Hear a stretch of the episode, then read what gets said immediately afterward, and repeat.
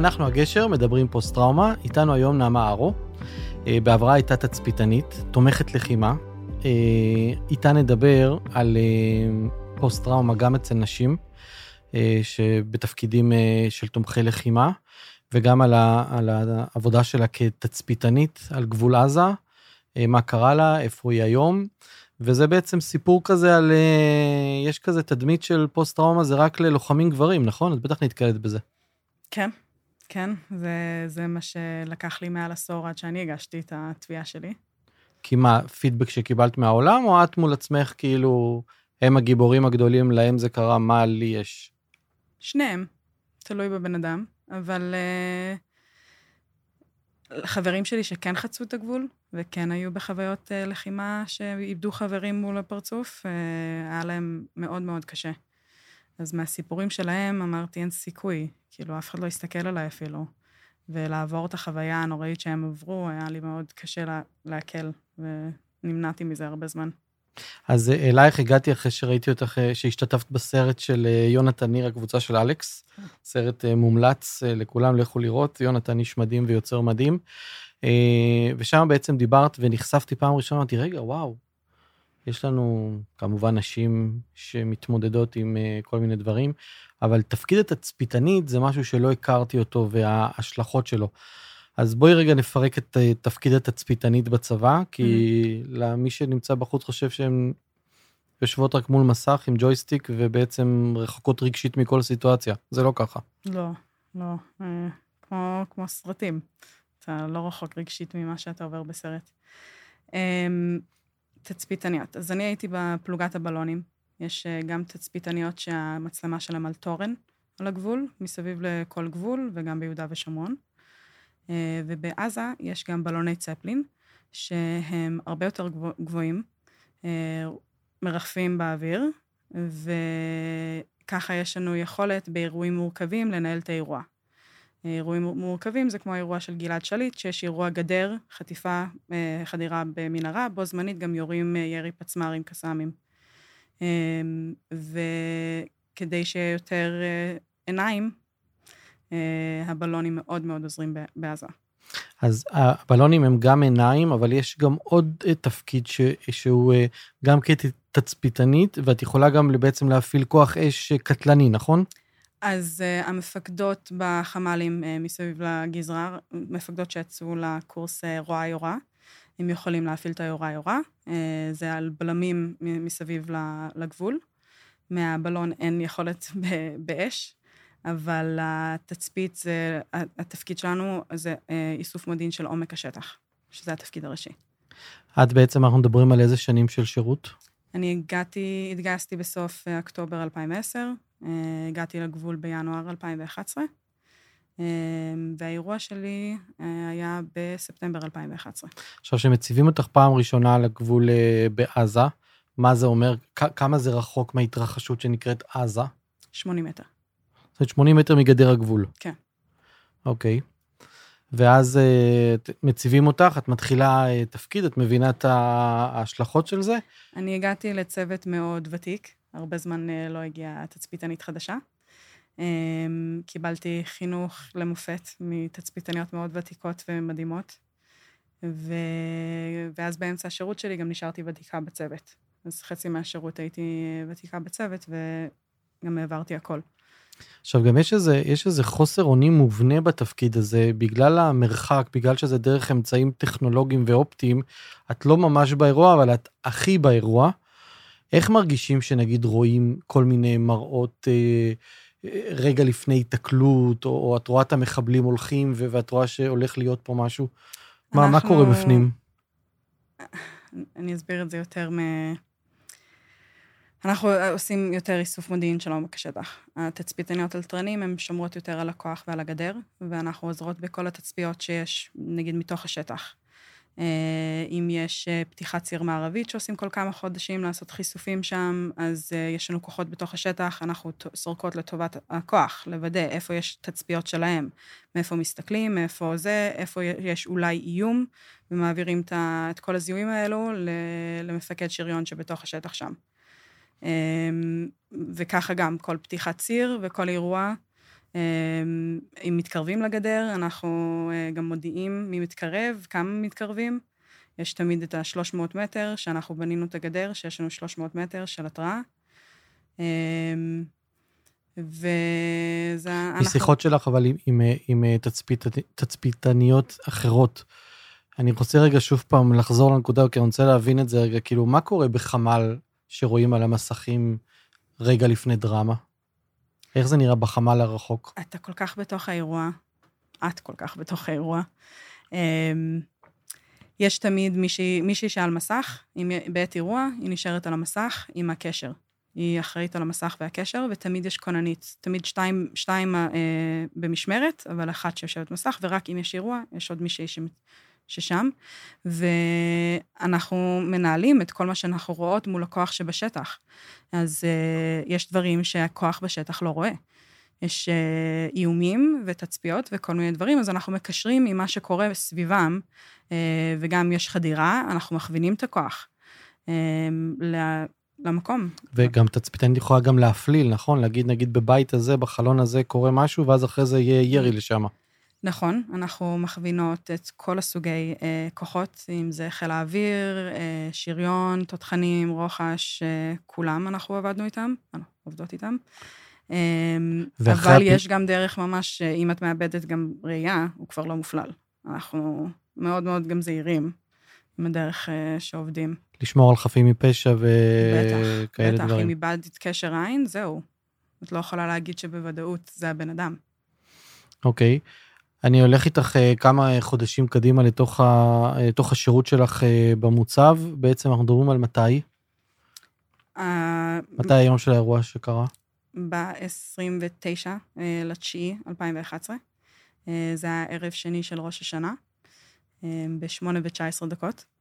אני ממש זוכרת את הדקות. כן.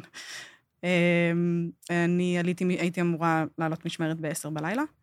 אמ, ולמזלי, אני בדיוק הייתי חצי ערה, חזרתי מהשירותים, ושמעתי את השריקה ואת הנפילה, אה, כל החדר רעד. אמ, כל המוצב היה בארוחת חג, וזה היה עשר שניות של... אולי אני פשוט לא אזוז, זה פספס אותי, כאילו, אני פשוט יכולה להישאר כאן. אז המוצב בעצם פוגע, מקבל פגיעה ישירה מטיל. כן, ממש פספס את המגורי בנות. לפני האזעקה, לפני הצבע האדום. המערכת איכון היחידה שהקנה אותו, זה המערכת הכי פח, והקנה אותו גם שזה נפל 500 מטר צפונית למוצב, אז גם כל התצפיות וכל הכוחות, כאילו, הם לא... אלא אם כן מישהו ראה שזה נפל אצלנו. ואנחנו מדברים על מוצב שנמצא בערך 80, 80 מטר מהגדר? כן. אוקיי. כן. ו- ו- ואז יש פיצוץ אדיר? כן. ומה קורה איתך? אמ, אני... אמ, הבנת? כן. המוח צבאי לקח לו עשר שניות כבר להיכנס להפעלה. מה הבנת? שאם זה ירי מטחים, אני חייבת לעוף מכאן.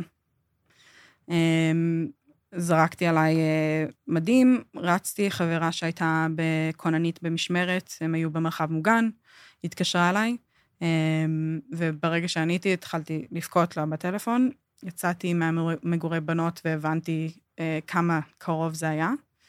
אה, הגעתי לשתי המרחבים המוגנים הראשונים אה, שהיו נעולים. המרחב המוגן השלישי היה פתוח, היה שם עוד אה, חייל גולנצ'יק, והייתי איתה בטלפון עד שהם חיזשו את האירוע, והקצינה והיא הגיעו אליי. יש לי קצת חורים באירוע, אני קצת עובדת על זה היום. טל רוסו היה אלוף פיקוד דרום אז, הוא הגיע עם כל החמולה, ו... כל הבלגן ששתי המרחבים המוגנים הראשונים היו נעולים, שזה טעות, אסור לנעול מרחב מוגן בגבול הזה. עכשיו, אמ, סיפרת לי גם מקודם בשיחה המקדימה שלנו, שגם אה, אה, התצפיתניות שיושבות אה, ב, ב, בחדר שלהם, בחמ"ל, הגג בעצם אין, זאת אומרת, אין גג. במוצבים של הבלונים, המוצב בנוי ממכולות ובטונדות. בטונדות מסביב לו מכולות לשמור על פגיעת רסיסים, אבל אין סגירה מלמעלה. אמ, זאת אומרת, חשופים. לתפילות. שכפ"ץ, כן, אנחנו נכנסים לגשם סגול, איך שאומרים. אה, שכפ"ץ קסדה, וממשיכים משמרת, ומתפללים שלא יהיה בול פגיעה על ה- על המכולה. ואז בתוך האירוע שלך, את, את מבינה שחזלשו את האירוע, כמו שאמרת, את מבינה שזה פגיעה אחת. אה, יש הרס, אנשים פצועים, מה, מה קורה רגע? תתאר רגע מה קורה במוצב, אם את זוכרת. היה הרס, אני הייתי הכי קרובה לזה, כולם היו בארוחת חג. אה, אני פשוט בחרתי להמשיך את השעות שינה שלי לפני המשמרת. אמ, וזהו, אני- היה צוות של יהלום שהגיע לפנות, אה, שהיה צוות של חבר טוב, שסיפרו לי שזה ה-RPG, שירו את זה כמו פצמ"ר מאוד מאוד קרוב לגבול, אז בגלל זה לא היה זמן, מספיק זמן הרתעה. אה, והמזל שזה היה רק ירי של אחד בודד. אמ, אבל זה... ו, ומתי את מרגישה שהאירוע הזה הם, מתחיל או ממשיך ללוות אותך בעצם בחיים? אני שנה אחרי זה השתחררתי, אמ, ועשיתי לייזר בעיניים, ששנתיים העיניים שלי היו הכל. כל מה שראיתי החליט חיים או מוות או כל מיני דברים. אמ, ועשיתי לייזר והייתי עיוורת, אה, הייתי על, על משכי כאבים, והיה זיקוקים אה, מבית לחם, אני הייתי אצל ההורים שלי, וזה החזיר אותי לגבול עיוורת. וזה היה התקף אה, חרדה הראשון שחוויתי. והבנת ישר לעשות את החיבור ל, לאירוע? כן, כן. אני, אה, גם אימא שלי ישר, ישר הבינה. שאגב, גם כל העניין הזה, לחזור הביתה אחרי האירוע הזה ולספר למשפחה, ולספר להורים, עד היום אני לא זוכרת איך אבא שלי הגיב, כי זה לא הפחיד אותי. זה אימא שלי, שכל כך פחדתי מלספר לה. למה? אני בחרתי את השירות. אני התחלתי שירות לאומי, עברתי שירות לאומי, ואז החלטתי שאני מתגייסת. גדלנו בגוש עציון, 18 שנה שמרו עליי, 18 שנה שהיינו מחלקים עוגות ועוגיות, ולאורך כל האינתיפאדה השנייה והכול, ומה זה שנתיים להחזיר למדינה. כאילו, זה... אנחנו מדינה שאם אין לנו צבא, לא יהיה לנו מדינה. אז החלטתי ש... שאני מתגייסת, ואני הבחורה היחידה שהתגייסתי מ... מ... מהמשפחה. והקושי מול אימא זה, זה כי פתאום היית בחוויה שמאוד מאוד קרובה לפציעה ואפילו מוות? כי פתאום החלום הרע הזה כמעט התגשם לה. זה היה הסיוט שלה, ואני, שיקרה לך כן, משהו. שיקרה, אני, גם אחי היה באותו זמן בצבא. מוזר לבוא ולהגיד, כאילו, זה היה כמעט, כמעט קרה, וגם הרבה אשמה מסביב לזה שאני בחרתי בשירות הזה. הם לא, ההורים שלי אמריקאים, הם לא עשו צבא. הם מאוד מאוד ציונים, אבל הם לא ידעו מה זה צבא בשביל בנות. וגם כשקיבלתי את התצפיתנית, כאילו זה היה, תשימי את זה אחרון, זה תפקיד, חרא תפקיד, לא כדאי להתגייס.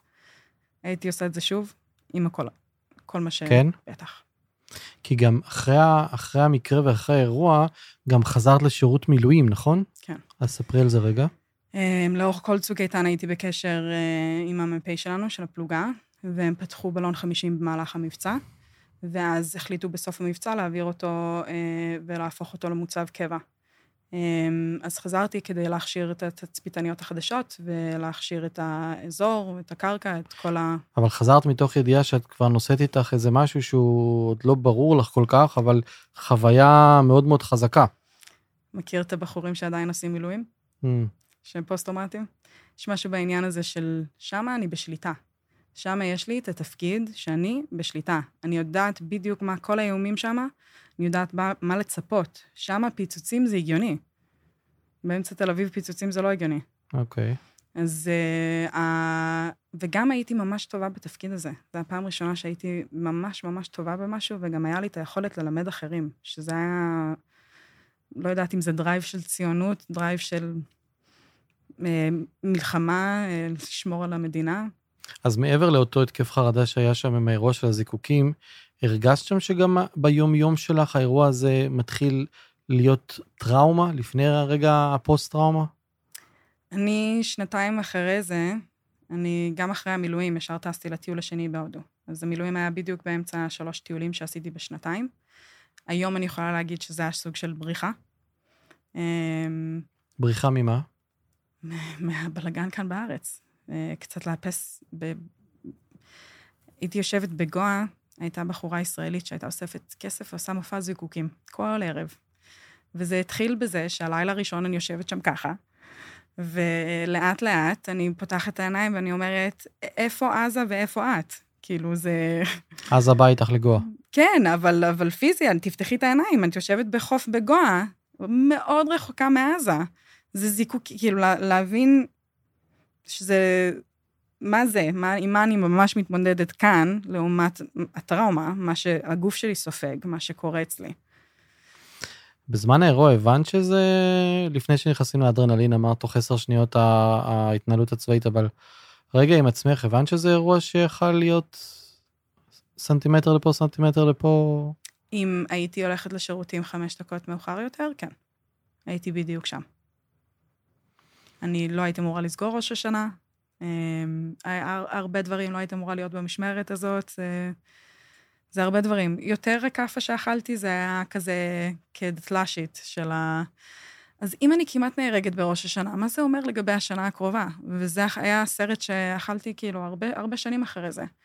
גם שנים שהייתי בבית עם המשפחה בראש השנה, שאני לא מבינה, זה נהיה בדיחה כזה שאני מאוד רגישה בתקופת החגים, אבל אני לא מצליחה לעצור את הדמעות.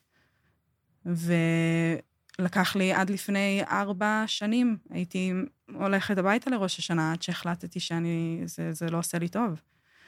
אמ, ואחרי שחזרת אה, מאחד הטיולים אה, בגואה, מתי בעצם את אה, מבינה שרגע משהו קורה איתי ואני רוצה שנייה לבדוק את זה לעומק? היה שלב כזה? אמ, ב-2016 אני הלכתי לעשות קצת טיפול, 2016-2017. זה יותר משנה. אני, כשהשתחררתי בכלל לא הבנתי שכשהייתי חוזרת הביתה ביציאות שלי, לא, לא הייתי ישנה. כי זה רגיל, כל חייל חוזר כזה חברים וזה, ואף אחד לא באמת ישן. אבל, ובמוצב הייתי ישנה, כי זה פספס אותי, והייתי במיטה. אז כאילו בדיעבד, אני, אני פשוט הרגשתי יותר מבוטחת ובנוח במיטה שלי בצבא מאשר בבית. קלטתי את זה בדיעבד, רק כשהשתחררתי. אה, אז השנה, השנה זה הדבר שהכי נפגע אה, עד היום, הוא נהיה יותר ויותר גרוע. אמ, אבל הכפכופים התחילו יותר מאוחר. הייתי מודעת, אבל לא, לא, לא הבנתי עד כמה. אבל במה זה בא לידי ביטוי? בסוף 2019, אה, שגם דיברתי בטקס של רסיסים על התמודדות, על, על, על זה שאני מתמודדת, על מה שהיה בטיולים שלי וכל מיני דברים. ואני היום, אם הייתי מדברת בטקס הזה, זה היה לגמרי אחרת. אה, כמה חודשים אחרי זה היה לי התקף חרדה ממש אה, נוראי בחתונה של חברים. אה, עלינו לרחבת ריקודים לרקוד, והבאסים היו כל כך חזקים שהרצפה רעדה, ולא ידעתי שזה טריגר. עדיין לא חוויתי, עדיין לא חוויתי את העניין הזה של רעידות.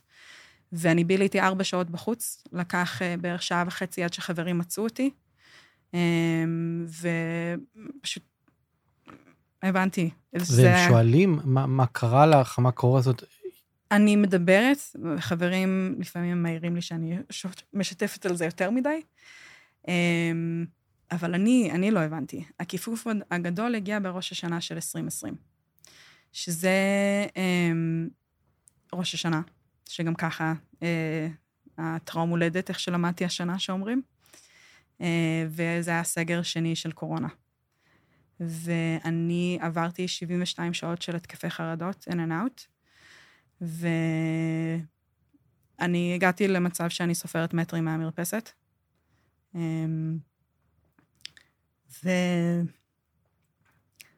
היה כפכוף הכי רציני. הגעתי למצב הזה שאני פשוט הבנתי שהתמקצעתי כל כך טוב בללבוש את המסכה הזאת שכל אחד שם שהוא יוצא מהבית בבוקר, ודחפתי הכל, והכל התחיל... לא יכולתי, לא יכולתי להתעלם יותר מכל, מכל מה שקורה אצלי.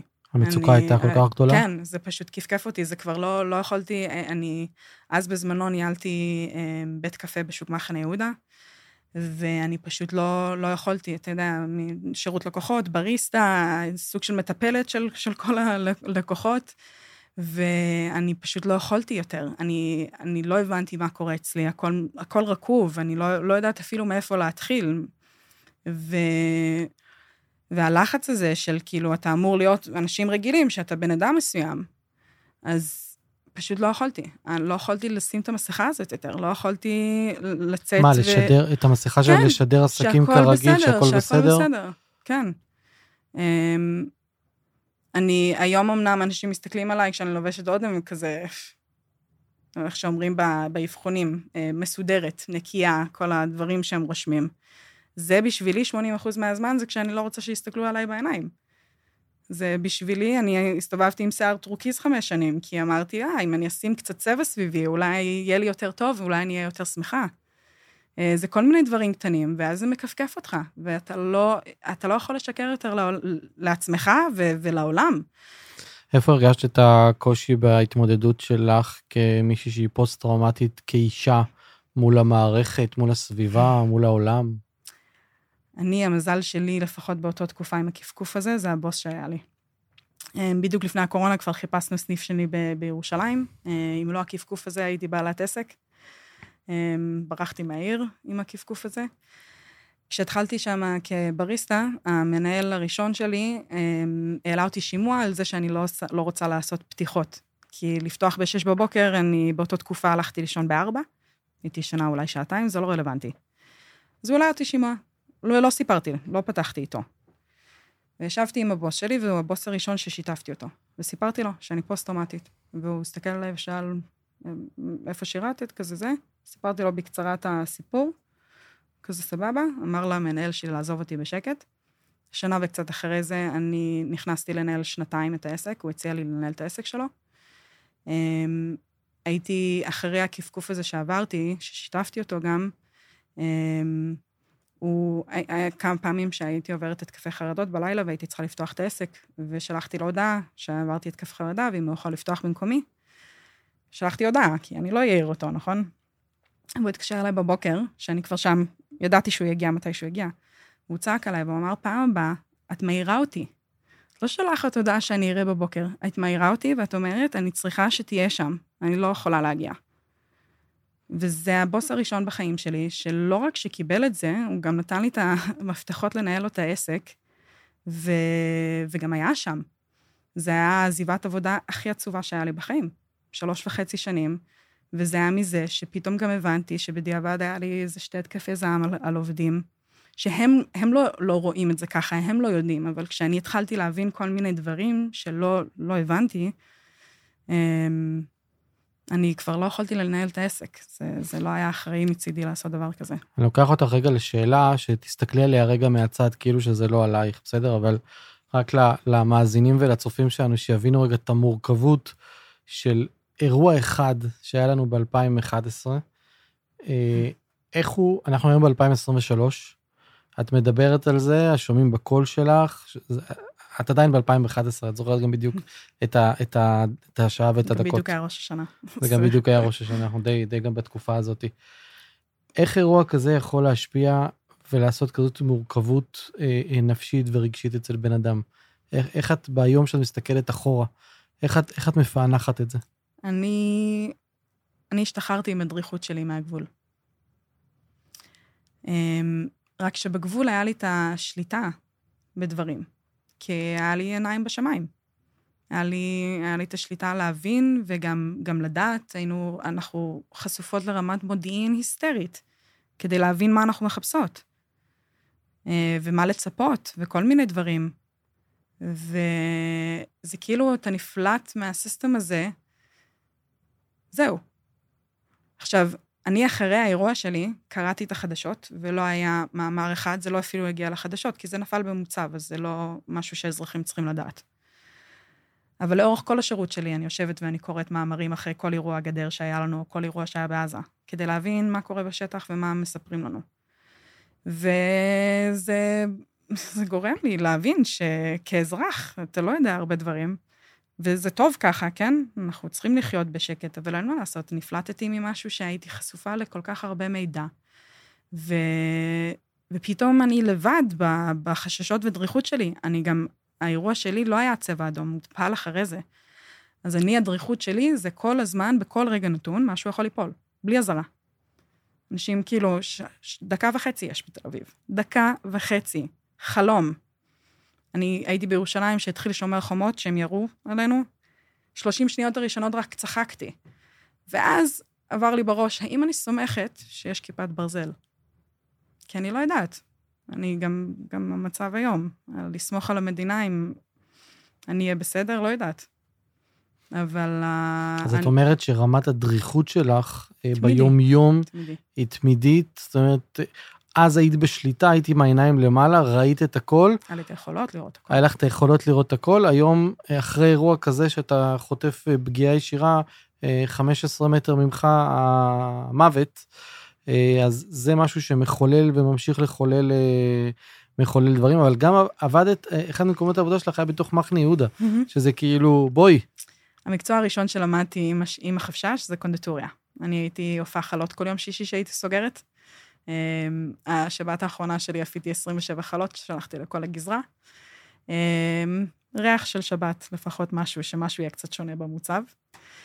אמ, מטבחים זה ידוע, הרבה פוסט-טראומטיים, אם זה פיקוד, צוות, עם כל ההובלה ביחד, אה, מטרה. יש לנו סרוויס, יש לנו מטרה להגיע אליו, כולם עובדים ביחד, ויש את האטרף. אז הוא מספיק, אני בטח שמעת את זה הרבה, זה כל כך אטרף שאתה לא מצליח לחשוב יותר מדי או להקל יותר מדי על שלך. העבודה הראשונה שלי בקונדטוריה בבית מלון, היה לי מאוד קשה עם הקערות נירוסטה וסירים. כל מה שנופל על הרצפה, והרעשים האלו. אבל הייתה לי שפית ששנאה אותי גם ככה, אז אני, אני סתמתי על הפוסט-טראומה, לא פתחתי את הפה, כי אני ממש פחדתי שהיא תפטר אותי על זה. אמ, אז התמודדתי ממש בשקט עם כל מיני דברים. גם דברים שאתה לא בהכרח מודע שזה מחובר. זה גם כאישה, אני חושבת שהרמת סבל שלנו טיפה יותר גבוה. אז אוקיי, סבבה, כל אחת בטח חווה את זה, כל אחת חווה את זה. זה, זה כל מיני תירוצים כזה של... אני לא שונה מאף אחד, זה כל אחד אה, חווה את זה לבד, לבד, מתחת לשל. ו... אני רוצה לפרק איתך רגע עוד משהו, mm-hmm. כי את מדברת ממש על אירוע ספציפי אחד. אבל האירוע הזה בעצם, אה, הוא מוביל אחר כך לשרשרת של, קודם כל אני מספר נגיד על הדריכות. אז להיות בדריכות כל הזמן ולהיות באלרט כל הזמן, אתה, כאילו, זה, זה מטורף. זה, אז ההשפעות של לפעמים הפוסט-טראומה היא כבר, אוקיי, האירוע שהיה לנו רגע, האירוע הקשה ההוא כאילו שעברנו, אבל היום-יום מייצר הפוסט של הטראומה, הדריכות הזאת, ההתקפי חרדה, אה, הלילות, כמו שאת מתארת, כל הדברים האלה. בואו, אנחנו חיים בחיים, עבדת בעבודות, כאילו חברות, לצאת, לא יודע, זוגיות, דבר, דברים כאלה, וכאילו זה מתנגש לנו כל הזמן עם המציאות, מה שקורה איתנו, השק הזה שאנחנו סוחבים איתנו, נכון? אז איפה, איפה הרגשת מחירים גם שאת משלמת על זה? מעבר כל, לעבודה שסיפרת? א' כל לא, לא הייתי בזוגיות מאז הצבא. אנחנו מדברים על נשים עם פוסט-טראומה, מאוד נדיר בשביל גברים, או לפחות עדיין לא פגשתי את הגבר שלא ברח מזה. אה, לפחות מישהו שאני התעניינתי בו. זה תמיד הגיע בדייט הראשון של כזה, אה, למה את מעשנת? ואני כנה, אני לא, אני לא יכולה לשקר ולהמציא שטויות. וזהו, זה לא ממשיך. למה את מעשנת קנאביס? כן, למה אני מעשנת קנאביס. אז uh, לפעמים גם חופרים יותר מדי על זה, אבל כאילו לפעמים רק ה...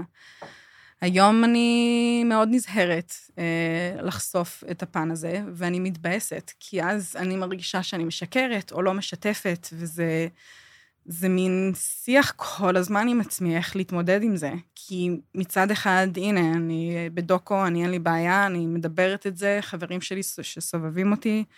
אה, זה חלק, זה חלק מהחיים שלי ביום-יום היום, ממש כל ההתמודדות הזאת. וגם כבר בראיונות עבודה, אני מאוד מאוד משתפת. אמ, כמו שאני משתפת שאני לא עובדת בתקופת ראש השנה, זה, זה חשוב. איפה עוד נתקלת את זה מול, מול נגיד גברים, או בנושא של זוגיות, בהתמודדות אה, שלהם מולך או שלך מול הדבר הזה? כאילו, איפה זה עוד צמח העניין הזה? של זה... פוסט-טראומה, כאילו, את יוצאת עם מישהו לדייט, סתם רגע, אני, אני מפרק את זה mm-hmm. בקטנה, ואז מה, הוא שומע את המילה פוסט-טראומה, אישה עם פוסט-טראומה, מה, מה, זה, מה זה אומר? כאילו, אני, אני לא רוצה להיכנס לזה מראש, מה, מה זה אומר עליה? זה בדרך כלל מגיע, מגיע עם שאלות. איך זה, איך זה מתאפיין, כאילו, מה קורה. אמ, אני, לפני הכפכוף הרציני שעברתי, זה היה די יבש מה שהייתי עונה. Uh, היום אני גם מאוד נזהרת, אני מאוד מאוד נזהרת, אני ממש, uh, אני מאוד מפחדת לשתף את זה, במיוחד, וזו שיחה, שיחה שאני גם בהלקות uh, עצמיות על, על, על העניין הזה של דווקא אנשים שאני מאוד יותר מתעניינת בהם, אני מפחדת לשתף. כדי שלא... שאני, שזה לא ירחיק אותם, כי אני, אני בטראומה מכל הגברים שכן התעניינתי בהם בעבר, ש, שהתרחקו מזה. כי מדברים על פוסט-טראומה ועל גברים, והם שומעים כאילו את, ה, את הפוסט-טראומה על uh, מצבים קיצוניים ש, שאנשים uh, שלקחו על עצמם. הם לא יודעים, הם כאילו לא יודעים מה זה התמודדות של, של אישה עם פוסט-טראומה, וגם לא כולם בעצמם בנוח עם, עם לשאול שאלות או לחפור בזה. אה, ולפעמים זה גם מעיד על כמה, מה קורה אצלהם.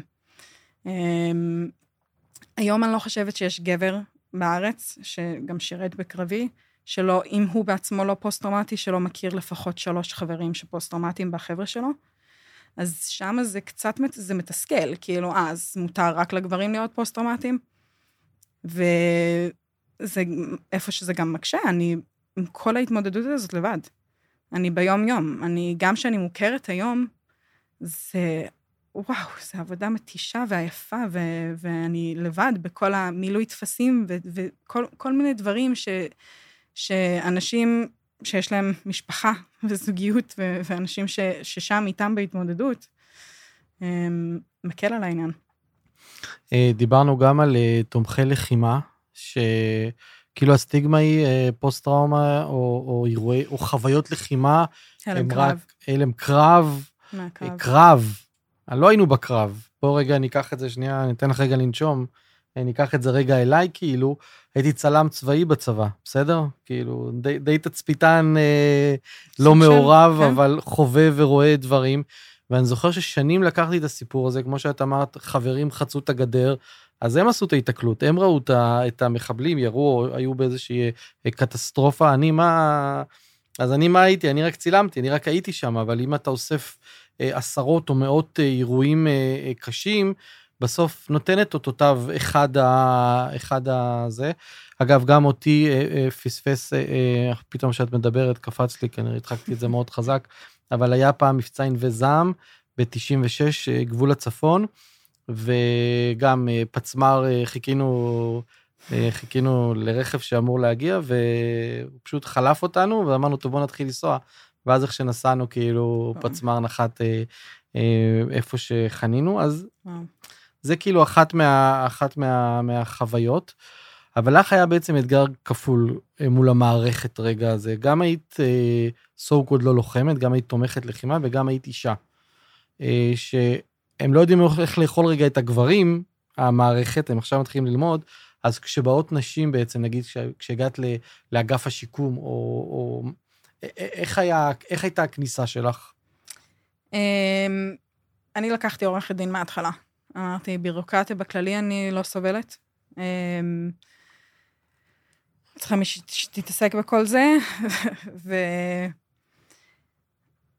לקח בערך חודש של, של ההגשה, שהם קיבלו את זה, שקיבלתי את המכתב שהם ממש מקבלים מהאירוע. אני לא יודעת אם זה בגלל שכל כך נדיר אה, לבנות להגיש תביעות, או לא. ומשם לקח שנה עד שהיה לי ועדה. אבל זה לא החלק הקשה, מסתבר, זה האחרי. כי זה, זה, לא, זה, לא, זה לא הקושי של להיות מוכר, זה כל המילוי טפסים וכל האישורים שחוזרים על עצמם, שעל כל פיפס קטן. אני בקושי הלכתי לים הקיץ, גם עם הכלבת שירות. אני הייתי שם אולי שלוש פעמים לאורך הקיץ. אני גרה 20 דקות הליכה מהים.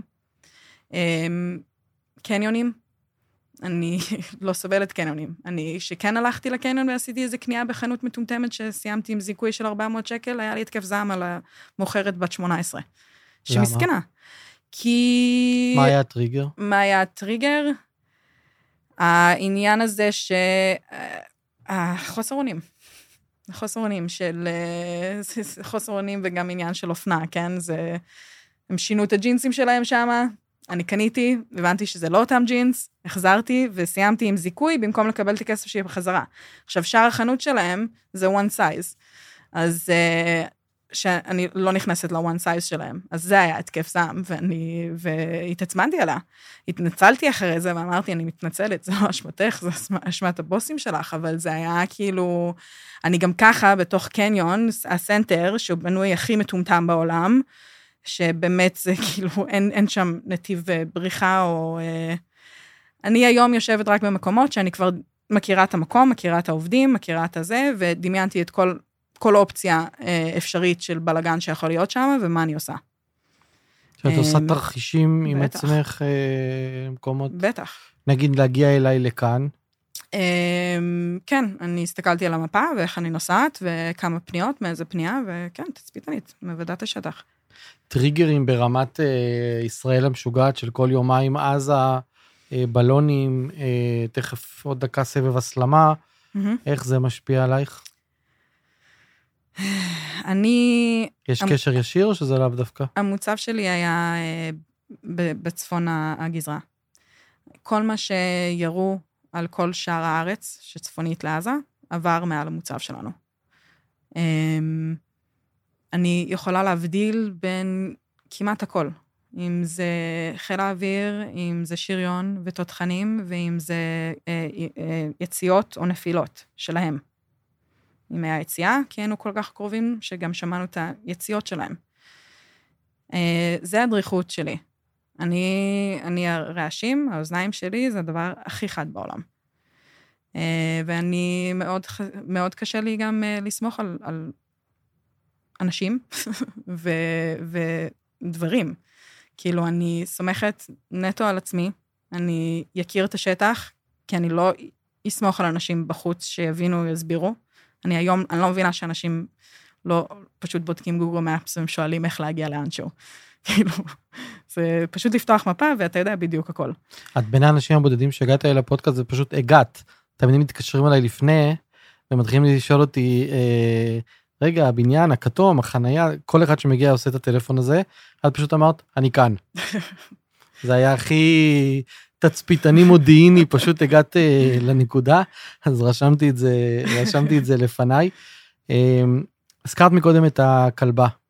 ספרי לי רגע על החיבור הזה, כי יש פה כמה דברים. קודם כל, יש פה חיבור רגשי מאוד חזק עם, uh, עם כלב שמלווה, uh, או כלבה. אבל יש גם את, ה, את העולם קצת שלא מבין כל כך מה זה כלב שירות. אז uh, קוראים לה דובה, uh, והיא הסקית, שזה מוזר לאנשים לראות... Uh, שלא הבאת אותה. לא הבאתי אותה, אני, היא באה איתי כשאני עולה על תחבורה ציבורית, אם אני יכולה להגיע בקורקינט, מהיר וזה, אני לא מביאה אותה. עדיף לי המהירות מאשר ההתעסקות באוטובוסים. Um, דובה איתי חמש וחצי שנים, היא הייתה שייכת לזוג חברים שלי לפני, סיפור ארוך, הגיע אליי. אה, ולפני שנתיים הוצאתי לה אישור service אה, dog בארצות הברית. אחרי שהיא הראתה גם לי, כאילו החיבור שלנו גם מאוד עמוק, וגם היא הסיבה שלא קפצתי מהמרפסת באותו ראש השנה. כי מה היא, מה היא עשתה? איך היא הגיבה? אני תמיד צוחקת שהיא מוציאה אותי לטיולים. Mm. אני לא מוציאה אותה. אם, אם היא לא הייתה איתי, הרבה זמן, ש... חודשים שאולי אין צורך לצאת אפילו מהבית. גם לגור כאן בתל אביב, אפשר... מה הרגישה באותם רגעים שהלכת לכיוון המרפסת, במצוקה שלך? אמ, משהו בתגובה שלה? היא פשוט נכחה. זה mm. העיניים, זה הרגש, זה הלהיות שם. זה... חיברה אותך פתאום. כן, זה אתה לא לבד. זה זה שאני צריכה לדאוג לה, כי היא לא תשרוד בלעדיי. אז זה נותן לי סוג של פרפס כל יום. אמ, ובעבודה האחרונה שעבדתי בו שנה שעברה, היא הייתה מגיעה איתי למשמרות. והיה לה את הגבולות גזרה שלה, אה, של הבית קפה. וזה הגיע למצב שהיא הייתה, היא פשוט, אה, היא, היא מרגישה את הפעימות, מרגישה, שומעת את הפעימות לב שלי אה, לפני שאני שמה לב שהם התחילו. היא יודעת להגיע? היא פשוט מתיישבת לידי שאני אלטף אותה, ממש כלב טיפולי, כמו נטו הליטוף כבר מוריד את כל, ה, את כל הלחץ. אמ, ואיך, איך, אני, אני לא עם כלב אז אני לא יודע, אבל אה, אני מנסה כאילו להבין את הראש, נגיד, דיברנו מקודם, כשעולים על אוטובוסים, לא כולם מקבלים את זה למשל? אה, או כן, כשנכנסים לקניונים, לא כולם אני- מבינים שזה לא כלב אלא כלב שירות? כן. אני- אני- בינתיים כרגע הסיפור הכי מזעזע שהיה לי בשבועיים האחרונים זה היה אה, נהג אוטובוס, שאני אני כרגע בטיפולים באסף הרופא, שגם, כאילו, אתם אוספים אנשים באסף הרופא, טיפה רגישות. Um, הוא כבר נהג שכנראה הסיע אותי כמה פעמים, ואני הסברתי לו, הם, הם כולם יודעים להגיד מחסום. הם לא יודעים שכלב שירות על פי חוק לא צריך מחסום. ורוב התמונות שיש באוטובוסים וברוב המקומות, זה בן אדם עיוור עם כלב, שרק, נגיד, רק להם מגיע. אמ, אז עליתי על האוטובוס והסתכל עליי ואמר, את יודעת שרק לעיוורים מגיע אה, כלב שירות? ואני הייתי בשיחה שהקלטתי, אז יש לי את כל השיחה הזאת מוקלטת. אמ, ו... ואז הוא שאל אותי שלוש פעמים אם אני יודעת מה זה בכלל נכה. השפלה מול כל אוטובוס שלם של אנשים, שגם כולם סותמים. הוא לא נוסע, הוא משפיל אותי שלוש דקות שמה. ואמרתי לו, אתה יודע ש... מה, אז בגלל שלא חסר לי גפיים ועיניים, אתה אומר שאני לא נכה? ככה אתה מחליט? על פי דעתך? וזה זה היה בינתיים ההשפלה הכי נוראית שהיה לי. מה זה עושה? אה, א' כל, זה מכניס למצב מלחמה. כשאני עושה משהו לא נכון. אתה עושה משהו לא נכון. כאילו, אם, אם אתם, וזה פקחים על רכבות וכניסה לרכבת, זה תמיד לתקוף אותנו, למה אין מחסום? חברות שלי, שמכירות את דובה ומכירות את הסיפורים שלי, שעובדות במסעדות, היום כשיש כלב שנכנס למסעדה שאסור, הם, שואל, הם במקום להגיד אסור, הן הולכות ואומרים, "אה, יש לכלב הזה תעודת שירות במקרה? אז אני, התוקפנות הזאת, המלחמה. אני גם ככה במצב של fight, flight or, you know, flee, תמיד. אני תמיד בדריכות, במיוחד אם אני, אם אני במצ... בתחבורה ציבורית. אם לא דובה, אני לא עולה על תחבורה ציבורית. זה לא קל לי. היא מאפסת אותי, היא יושבת לידי, אני מוז... מסתובבת גם רק עם אוזנייה אחת, מאז הצבא, אני לא מצליחה להסתובב עם שתי אוזניות.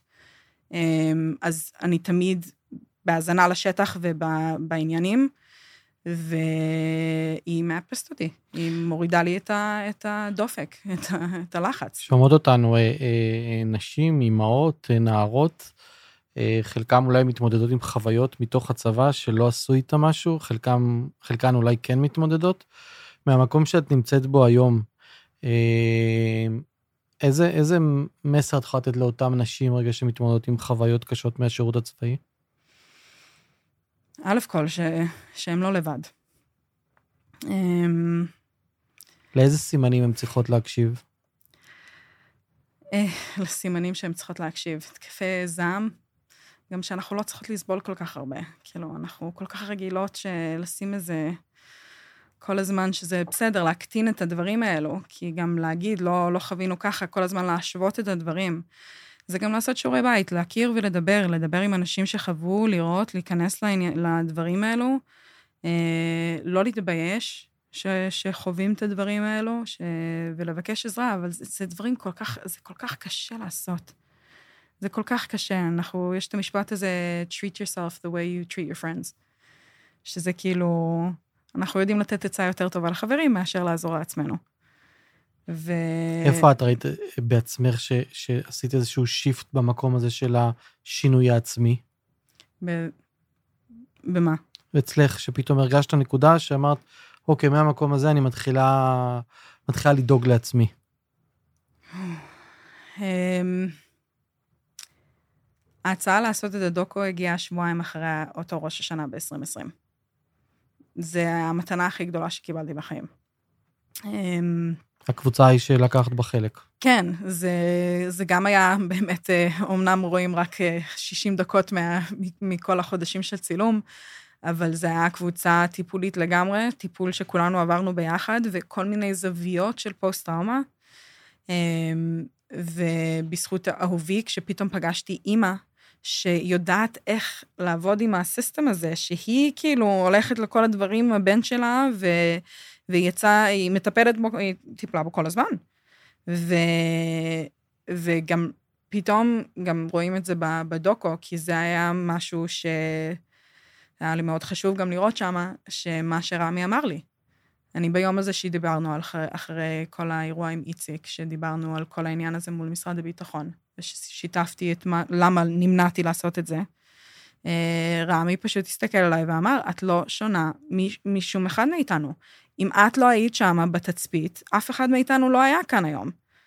וזה רק לוחמים שמבינים את זה, זה מי שהיה בשטח שיודע את זה. אני, הדבר, אחד הדברים הטובים שיצא מזה שאני אוהבת לדבר על, על הצבא ועל אה, כל הדברים הרבה, אה, קורה לי לא מעט שאני, קרה לי כמה פעמים שישבתי בברים, ואתה יודע, להעביר אש, כל מיני דברים, פתאום מדברים, ישראלים, ופגשתי חבר'ה שבצוק איתן היו בגזרה שלי, ובגלל איסוף מודיעין שעשיתי, הם ידעו בדיוק מה יש שם. וואו, מדהים. וזה מטורף. כמה תצפיתניות יכולות לשבת עם אנשים שהיו בתוך הגזרה שעה, שהם עדיין חיים ונושמים היום, וזה בזכות איסוף מודיעין, בזכות דברים שכאילו זה, וזה, זה... את אומרת שגם היום עדיין היית חוזרת אה, על אותו תפקיד לעשות אותו. אני, כן, הייתי ממש ממש טובה בתפקיד הזה. וזה גאווה גם אה, להיות, אה, להיות בתפקיד ש, שאפשר באמת להשפיע ולעשות טוב, וגם לשמור על הגבולות ועל החבר'ה שלנו. זה, זה לא מובן מאליו. אמנם לא חציתי את הגבול, אבל uh, אני, אני גרתי, לא תפסתי קו והלכתי לאימון ותפסתי קו. אני הייתי שם שנה ותשע רציף, ו, ועוד ארבעה חודשים של, uh, של מילואים. וזה... וואו, אני כאילו... אני יושבת על הגבול וממש שומרת על הגבול, עם כל האמצעים של, ש, שאפשר. אמ, ואת זה... העיניים של הלוחמים מלמעלה בעצם. זה, אה, הסלוגן של הפלוגה זה עקב, עיניים בשמיים, עקב בקרקע של, ה, של הבלונים. אמ, כן, אנחנו רואים דברים ש, שלא כולם יודעים. אני, אני לא, לא מגיעה לאזור הזה מאז אה, המילואים. אני לא מגיעה לאשקלון וכל האזור הזה, אמ, כי ראיתי הרבה דברים, ואני לא...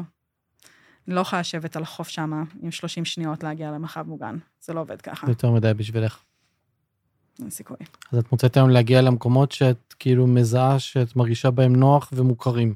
כן, כן, לגמרי. אבל הנה, יש לי חברה ממש טובה שעברה ליפו לפני חוד, חודש, ורצתה שאני אגיע לבקר, ואמרתי לה, סורי, אני בתקופת החגים לא מתקרבת לשם.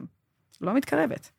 אני גם, הפעם היחידה שהתקרבתי ליפו אחרי שעברתי לתל אביב, זה היה בטעות, וזה היה בערב שהיה את הפיגוע הראשון הזה בדיזנגוף, מהסריה שהיה, ונכנסתי למצב של flight. אני פשוט לקחתי את הדברים שלי, לא הכנסתי אפילו לתיק, לקחתי את דובה ונכנסתי למצב של flight, לצאת משם. לא הכרתי בדיוק את כל הצירים לצאת, אז פתחתי Google Maps, והייתי עם אח שלי בטלפון, עד שהגעתי לאזור uh, שאני מכירה, וחצי שעה הליכה הביתה, ידעתי, שבע קילומטר ממני, הסיכוי שאני אפגוש את המחבל באמצע רחוב מאוד קטן. אבל אני רוצה להגיע למקום הבטוח שלי. וכן, מסתבר שהוא גם עבר בשכונה שלנו בדרך ליפו, ומצאו אותו ביפו. אבל אני מאוד מאוד סומכת על הראש הצבאי שלי יותר מהכל, אמ, שזה קצת מוריד את הזה, אבל אני חיה בדריכות שבכל רגע נתון משהו יקרה. בכל רגע נתון.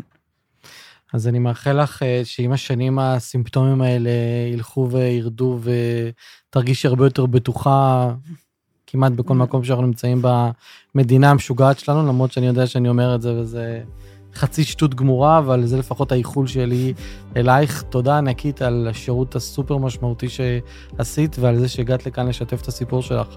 תודה רבה. תודה לך.